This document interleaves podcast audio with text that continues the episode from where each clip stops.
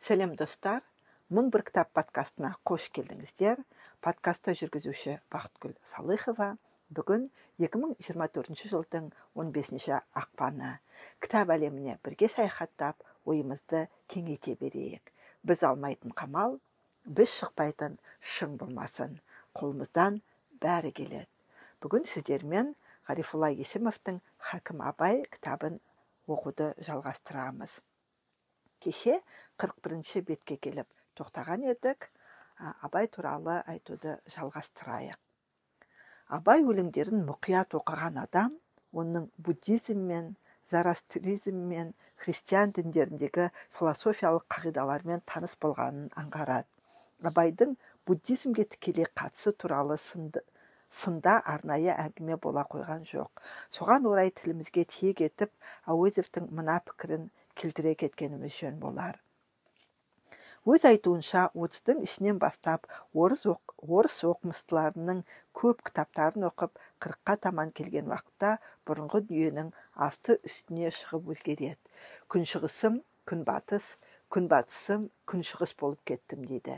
Әрине оның мұндағы күнбатысы өзі тілін өнерін үйренген ресей. Абай әрбір жақсы сөзді оқыған соң соның ағымына ақыл оймен терең бойлайтын әдетті табады.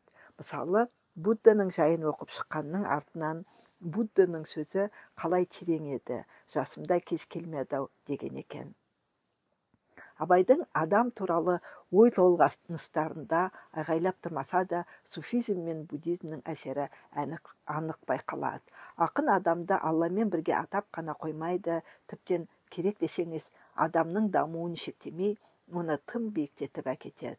Алла жаратушы алла шындық бірақ өмірдің әлемнің қозғаушы күші адам.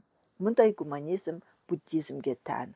Осы дін бойынша егер адам будда бола алса ол құдайдан да биік деген қағида бар. Сірә осы тұжырымды суфистік ғұламалар да буддизмнен алып өздерінше дамытқанға ұқсайды. Адам жөніндегі осы буддистік суфистік көзқарас абай шығармашылығының өзегіне айналған. Алланы сүю деген сөз ақын түсінігінде адамның өз бойындағы рухани қуатын ашу дегенмен пара пар алланы сүю арқылы адам тиянақты да нақтылы гуманист атанбақшы.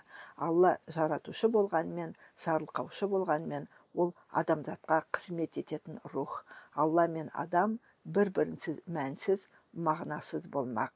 Алла шындық болған соң ешқашан адам өлмек емес. Сондықтан да ақынның мені мен менікінің айырылғанын өлді деп ат қой, қойыпты өңкей білмес деуі орынды.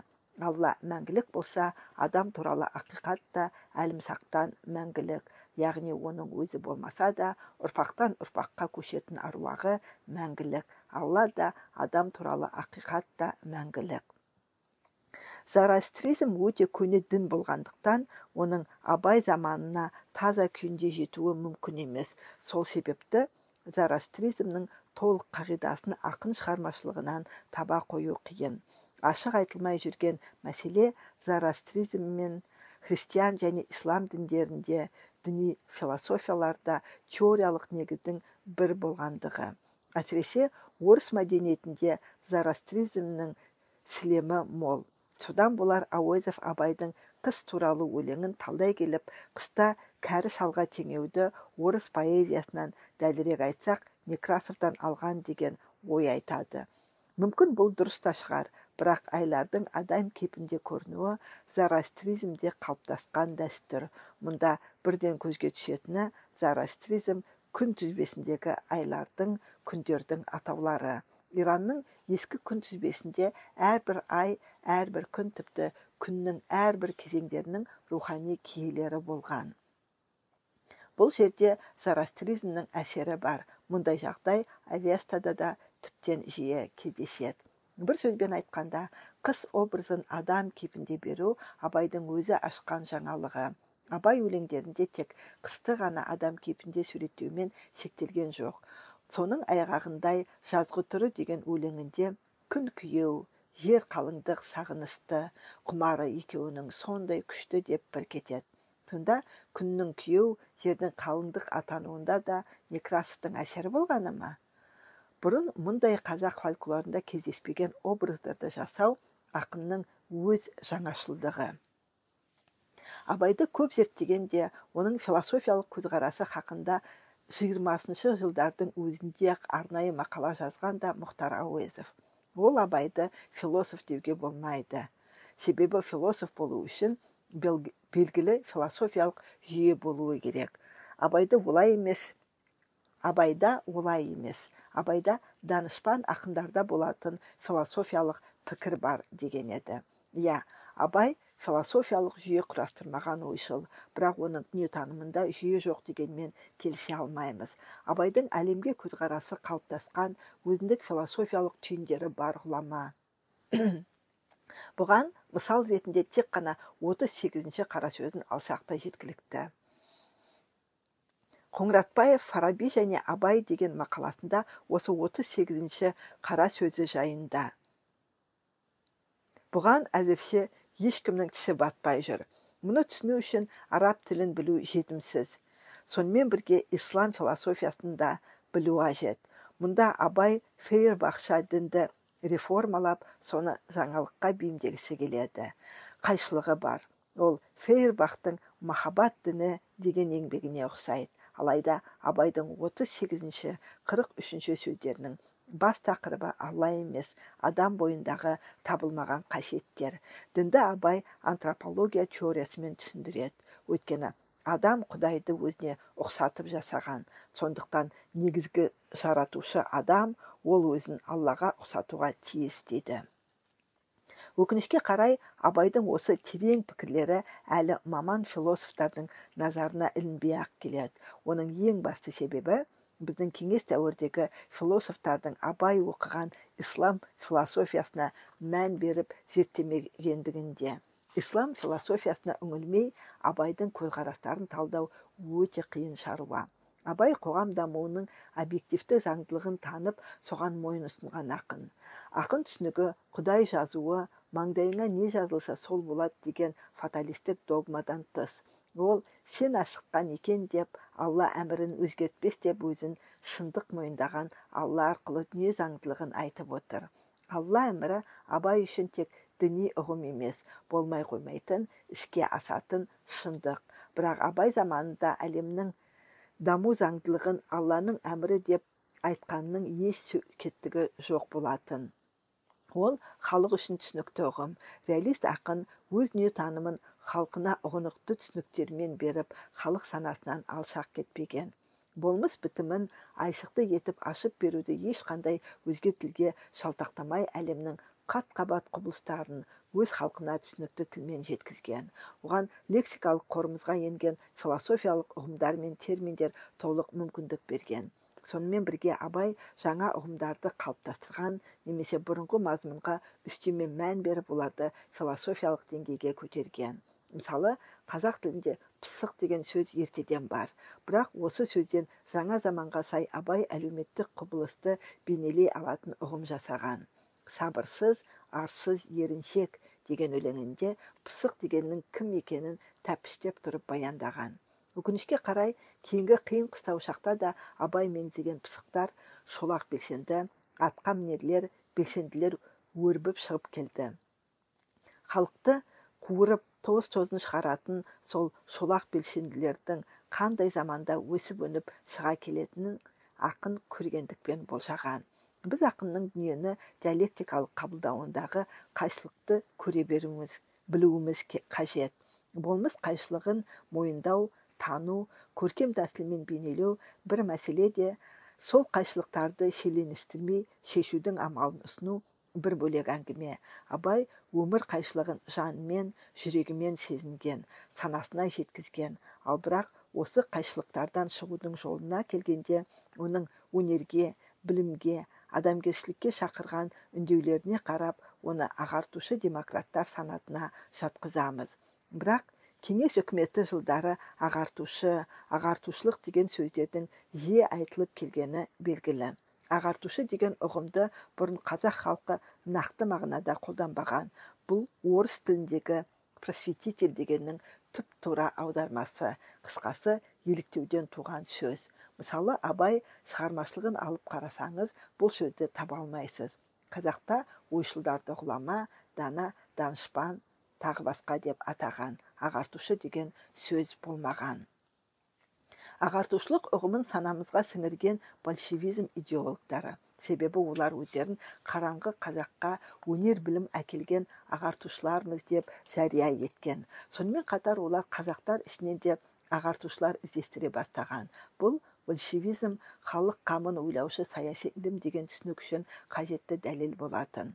Сонымен тез арада ағартушылық концепциясы жасалып шығармаларында әділеттілік туралы ой толғаған қазақ ұлдары ағартушылар болып шыға келді. Бұл ағартушы деген түсінікті қайткен күнде де халыққа қажетті құбылыс екендігін мойындату үшін жасалған саяси идеологиялық айла шарғы еді. Анығында ағартушылық қоғам болмасының заңдылығы ретінде аңғарылатын мәдени қозғалыс. Оның қозғаушы күші ұлттық идея. Ағартушылық деген батыс еуропадан таралғандықтан мысалға ағылшын француз неміс ағартушылық ағартушылықтарын алсақ бәрінің де негізгі мақсаты ұлттық идея болғанын еріксіз мойындайсыз. Ал егер орыс ағартушылығына келетін болсақ онда да ұлттық идеяның шешуші күш болғаны бірден көрінеді. Бірақ мұнда бұл ағымда айтарлықтай өзіндік ерекшелік болды. Ресейдің батыс еуропа елдерінің мәдени деңгейінен төмен мешеушілікте қалғанының салдарынан орыс зиялылары ағартушылықтың екі түрін екі үлгісін қалыптастырған. Оның бірі орыс халқының мүддесіне орай қызмет етуге талпынған ағартушылық та екіншісі батысқа көзсіз еліктеуден туған ағартушылық. Қазақстанға өкінішке орай ағартушылықтың өңі айналған миссионерлік түрі келіп жетті. Мәселеге неғұрлым байыппен қарай білген жағдайда қазақстанда ағартушылықтың екі түрі көрініс тапқанын аңғарамыз. Оның бірі мәдени дәстүрге заман талабына сай прогрессивті бағыттағы реформалар жасауға ұмтылу. Сөйтіп халықтың сана сезімін ояту сияқты құбылыстар. Бұл кәдімгі мәдени жүйе бойынша жүргізілетін қажетті шаралар қалың бұқараны өнерге білімге шақыру өз бойындағы әлеуметтік кеселден жат қылықтардан арылту өркениетке талпыну жолында басынан өткізеді міне осы мақсаттағы ағартушылық құп аларлық жағдай бір ауыз сөзбен түйіп айтқанда шынайы ағартушылық дегеніміз осындай игі ниеттен туған әрекет көрінісі.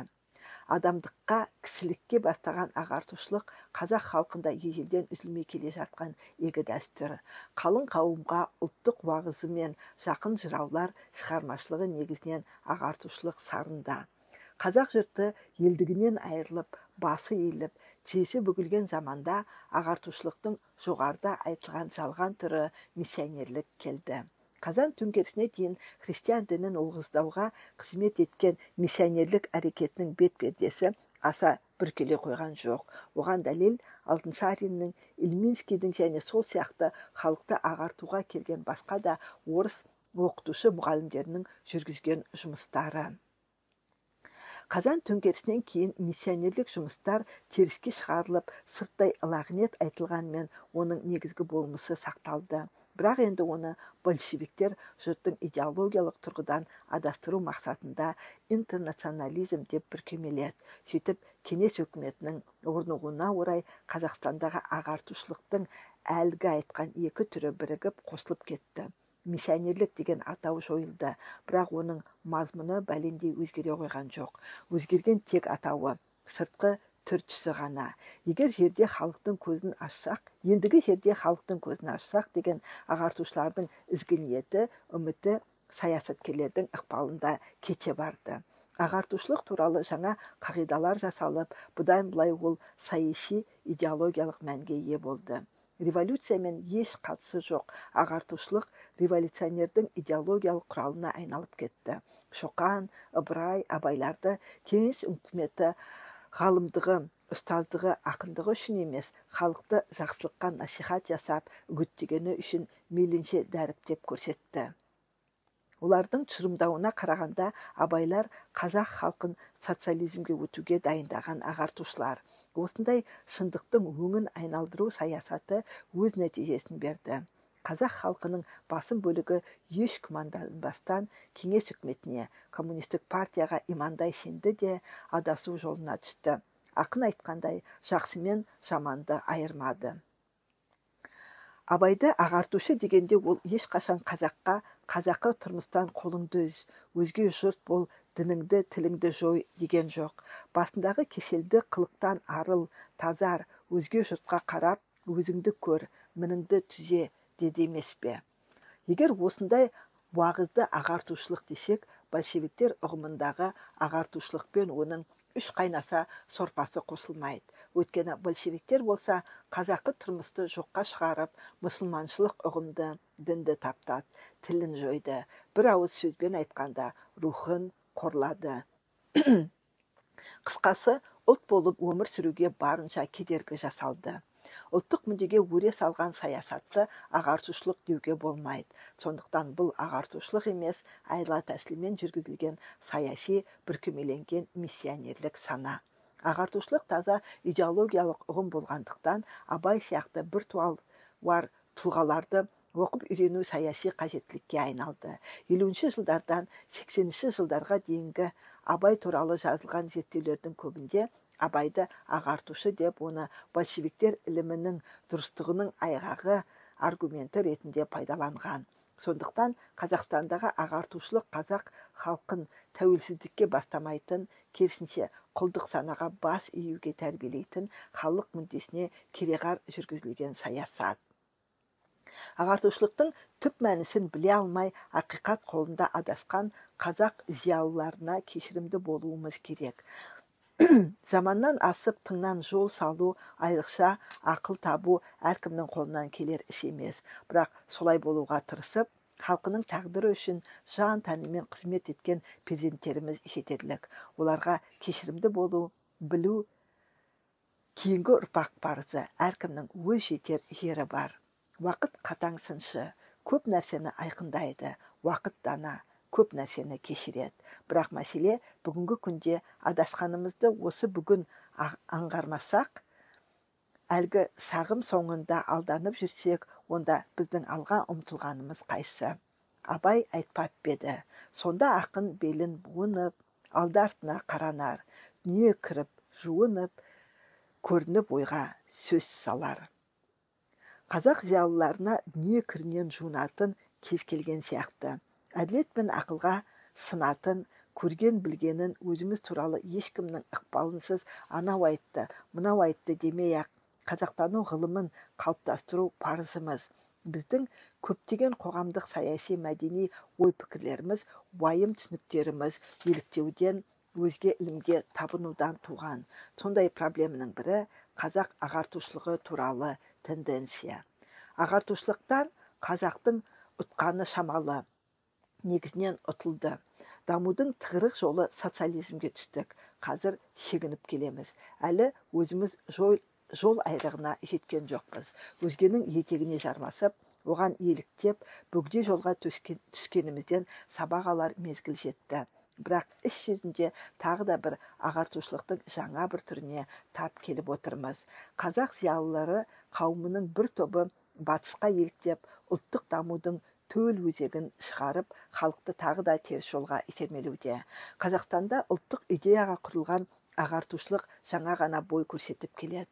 Ағартушылық ұлттық сана сезімді ояту үшін қызмет атқаратын мәдени саяси құбылыс. Бүгінде миссионерлік ағартушылық саясаттың жемісі айқындалып отыр. Ол ұлттық идеяға қарсы тәрбиеленіп өскен қазақ зиялылары. Олардың ынтасы батыс мәдениеті. Батыс өркениеті өз аймағы үшін құнды. Батыс мұсылман рухына келе бермейтін басқаша христиан әлемі. Батыс мәдениетін білу пайдалы екеніне сөз жоқ. Бірақ бірақ бұл тағы да ұлттық дамуды шектеу факторы болып табылатынын ескерген жөн. Батыс пен қазақ мәдениеті бәсекеге түспеуі керек. Біз ұлттық генофондымызды қорымызды шашып алған халықпыз. Өзімізді өзіміз танып дамуымыз үшін уақыт қажет. Халық болып топтасып ес жинау керек. Бар жоғымызды түгендеп алу егемен болған елдің атқаратын басты ісінің бірі. Кезінде көне түркі мәдениетін араб парсылар әкелген одан бері де қазақстанда орыстардың шығысқа жылжуы нәтижесінде келген христиан мәдениеті үстемдік етіп келді. Алдағы уақытта осы үрдіс қайталанып жүрмей ме деген күдіктің күдіктің ойға келуі заңды. Қорыта айтқанда қазақ зиялы қауымының алдында рухани тұрғыдан тағы да жол таңдау мәселесі кесе көлденең тұр. Абай адасқанның алды жөн арты соқпақ деген. Адасып жүріп жөн тауып соңымыздан ұрпағымыз ерсе өз жолымызды қалдырсақ деген пікірдемін. Әрине анахарсистен абайға дейін жоғарыда аты аталғандардан да өзге ғұламалар ойшылдар мәдениет қайраткерлері болған. Бұл өте ауқымды тақырып. Кеңес үкіметі жылдары біз абайды өзі өніп өскен топырағымен зерттей алмадық. Абайдан әрі қарай тереңдесек түрлі әлемнің тарихына тап боламыз. Ол деген сөз пантюркизм болып шықпақ. Большевизм пантюркизм дегенді өзі ойлап тапты да оған қарсы күрес ашты. Анығында ешқандай пантюркизм емес түркі тілдес халықтардың ортақ мәдениетін тарихын зерттеуге ынталылар болған. Бүгін күнде түркі мәдениетін оның генезисін зерттеу мүмкін болған жағдайда біз абай туралы сөзді сонау түп тамырдан генезистен бастауды жөн көрдік. Бұл тек көңіл қалау емес оған мұрындық болған екі мәселе еді. біріншіден 2500 жыл ішінде яғни анахарсистен абайға дейінгі аралық үзілмей бізге жеткен түркі тілі әрине түркі тілі өзгермеді. Сол қалпын сақтады деп айту артық болған болар еді. Сонымен бірге түркі тілі жойылып кеткен деп те ешкім айта алмайды. Бұл бір мәңгілік тілдің бірі. Заманында түркілердің өз әліппесі болған келе келе ұмытылған. Соның себептерін жоғарыда айттық. Бүгінде жаңа заманда қайта жаңғырып отыр. Түркі тілінде рабғузи бақырғани ахмед югнаки хайдар дулати жалайри түркістани ат түрки жамал қарши қашқари сығнаки баршылығы тағы басқалар өз шығармаларын жазған. Бұл адамдар қазақ хандығы немесе қазақ ордасы ту тіккенге дейін өмір сүрген өнер майталмандары. Тіл мамандарымен таласпаймын бірақ бір мәселенің басы ашық. Ол түркі тілі деп жүрген тіліміздің сонау сақтар заманынан сақталып келгені. Осы тұста ерекше айтылатын проблема анахарсис тілін зерттеу. Біз анахарсис түркі тілінде сөйледі деп болжам ретінде айтып отырмыз. Ендігі қажетті нақтылы дәлелдер. Сақтар тілі туралы түркологияда меніңше жаңсақ пікірлер белең алып кеткен. Оның ең бастысы сақтар тілін ирандық тіл тобына жатқызушылық. Түркі тілінің субъектілерін тарихта әртүрлі атайды. Сақтар ғұндар қыпшақтар тағы басқа. Екіншіден 25 ғасыр бойы үзілмей келген этностық сана бүгінгі күнге жалғасып отыр. Теорияда белгіленген тарих дәлелдеген шындық сол этнос адамдарының тіл бірлігін талап етеді. Себебі тілсіз этнос яғни адамдардың тарихи әлеуметтік қауымдасуы болмайды. Сондықтан этнос пен тіл тарихи бірлікте қауымдасады. Түркі тіліне не болып келген этностар түркі тіліне ие болып келген этностар аттары сақтар скифтер қыпшақтар түркілер содан кейін түркі тілдес бүгінгі күнгі өмір сүріп отырған халықтар. Демек түркі тіліндегі сөйлеген этностар тарихтан мүлдем жойылып кетпеген. Тек тарихи атауларын өзгертіп отырған. Қазақ халқы сол түркі әлемінің бір тарауы. Ал жоғарыда ата аталған ғұламалар осы этностардың өтпелі кезеңдерінде өмір сүргендер олардың бәрі ренессанстық тұлғалар. Мысалы анахарсис сақтарға сол кездегі өркениетті қала афинның мәдениетін өнерін саяси басқару жүйесін әкелсе иолықтегін түркі әлемінің ең шарықтау шегінде өмір сүріп оның өзге күйге ауысар сәтін оның себептерін тасқа түсірген. Ал азаттық қозғалыстың жыршысы ол азаттық қозғалыстың жыршысы демек этностық сананың насихатшысы. Оның болмысы түркі қағанатымен біте қайнасқан. Күлтегін жерінің қалың елім деген абай зары естіліп тұр. Сондықтан да біз анахарсистен абайға дейін дегенде өзге ғұламаларға арнайы тоқталмадық. Мұнымыз мүмкін дұрыс мүмкін бұрыс. Оны кейінгі зерттеушілер анықтар. Себебі мұның өзі арнайы зерттеуді қажет ететін күрделі тақырып. Біздің мақсатымыз анахарсистен абайға дейін деген мәдени тарихи концепцияны бір ізге салып оны мектеп оқулықтарына енгізу. Сөйтіп жас ұрпақты 25 ғасырлық рухани тарихи мәдени кеңістігімізді игеруіне қолайлы жағдайлар қалыптастыру. Араларында 25 ғасыр жатқанмен анахарсис пен абай дүниетанымында ұқсастық бар. Бұл ұқсастықтың мәні екеуінің де күдік философиясына яғни скептицизмге жақындығы. Анахарсистің скептиктер қатарына жататынын жоғарыда айттық. Ал абайға келсек ол ешқашанда ғылым болмыс адам туралы айқын ұғымға жеңіл пікір айтып көсемсінбеген. Оның әсіресе қара сөздерінде жауаптан сұрағы көп. Ол ақылға сын айтқан ақылдың мөлшерін біле білген. Егер де ақыл өлшеулі болып ол арқылы ғаламды тану мүмкін болмаса не болғаны? Бұл күдік философиясы. Еуропа тілімен айтқанда скептицизм. Бірақ бұл әншейін күдік әншейін бір нәрсе жоққа шығарушылық емес. Ақыл арқылы жасаған қорытынды. Тек ақылды жан ғана ақылдың шегін сезіне алады. Сақ ойшылы анахарсис те қазақ ойшылы абай да сондай жандар. Қоғамда ешқашан да ақиқат туралы айқын теория болмағаны анық. Болуы да мүмкін емес. Біз көбіне болжамды аксиомалық теория деп қабылдаймыз. Уақыт оның теріс екенін әмәнде әманда дәлелдеп айқындап береді. Көбіне теория болжам болжам теория болып қабылданып бірінің орнына бірі жүре береді. Сондықтан да біздің айтып отырғанымыз әрине болжам. Бірақ оның теориялық қызметін атқаруына кім кепілдік бере алады? Теорияны теріске шығаратын да теория. Ондай теория болмаса бізді айтқанымыз болжамға айналады. Қысқасы қалай болса олай болсын әйтеуір бұл мәдени тарихи концепция қажетке жарары сөзсіз. Бұл пікірлер теріске шығарылғаны дәлелденсе онда біздің ойдың шындыққа жетуге қызмет еткені рас. Осы жөн екен тек толығырақ зерттелсе деп тілек білдіргендерге бұл еңбек алғашқы соқпақ енді кітаптың келесі екі бөлімі туралы бірер сөз.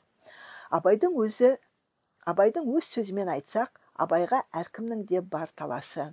Әрбір зиялы қазақтың абай туралы пікір айтуы түсінікті және орынды. Ақын барша қазақ жұртына ортақ болғанмен әркімнің өз абайы болуы да мүмкін. Әр адамның әр ұрпақтың абайды өзінше қабылдауына таң қалуға болмайды. Сананың мазмұны субъектінің түсінігі арқылы айқындалады. Мен де осы тұрғыда абай шығармашылығын зерттеуге ден қойдым. Абайсыз қазақ мәдениеті философиясы туралы сөз айту мүмкін емес. Сондықтан абайды тану қазақты тану деген проблемамен өте тығыз байланысты. Бірақ ақынды танудың тәсілі қандай болуы керек? Абай туралы айтылған жазылған жалпылама сөзден көп нәрсе жоқ. Мен абайды тануды өзгеше тәсіл қолдандым. Оның аты еуропасы герменевтика арабша бари ирманияс бұл түсінік туралы ғылым немесе түсінікті түсінудің тәсілі. Түсінікті түсіну деген сөз біреудің ойлау тәсілін меңгеру. Мысалы абай алла тағала адамзатты махаббатпен жаратқан дейді. Бұл ақынның түсінігі. Біздің міндет осы түсінікті түсіну әрі әрі түсіндіру. Сол себепті екінші бөлімді түсініктер туралы түсініктер деп атадық. Мұнда абай өлеңдеріндегі бірден оқырман санасына жол таба алмайтын түсініктерге түсінік беруге талаптандық. Үшінші бөлімді сөздер туралы сөздер деп атадық. Бұл бөлімде абайдың 45 қара сөзі туралы пікір айттық. Осы екі бөлімдегі айтар түсінігіміз нақтылы абай шығармасындағы бір сөзіндегі не бір өлеңіндегі не бір өлеңінің бір шумағындағы не өлеңнің бір жолындағы түсінікке құрылған. Абайдың айтқандарын өзге ғұламалар пікірлерімен салыстыруды мақсат етпейміз. Біздің мақсатымыз абай түсініктері туралы нақтылы түсінік айту.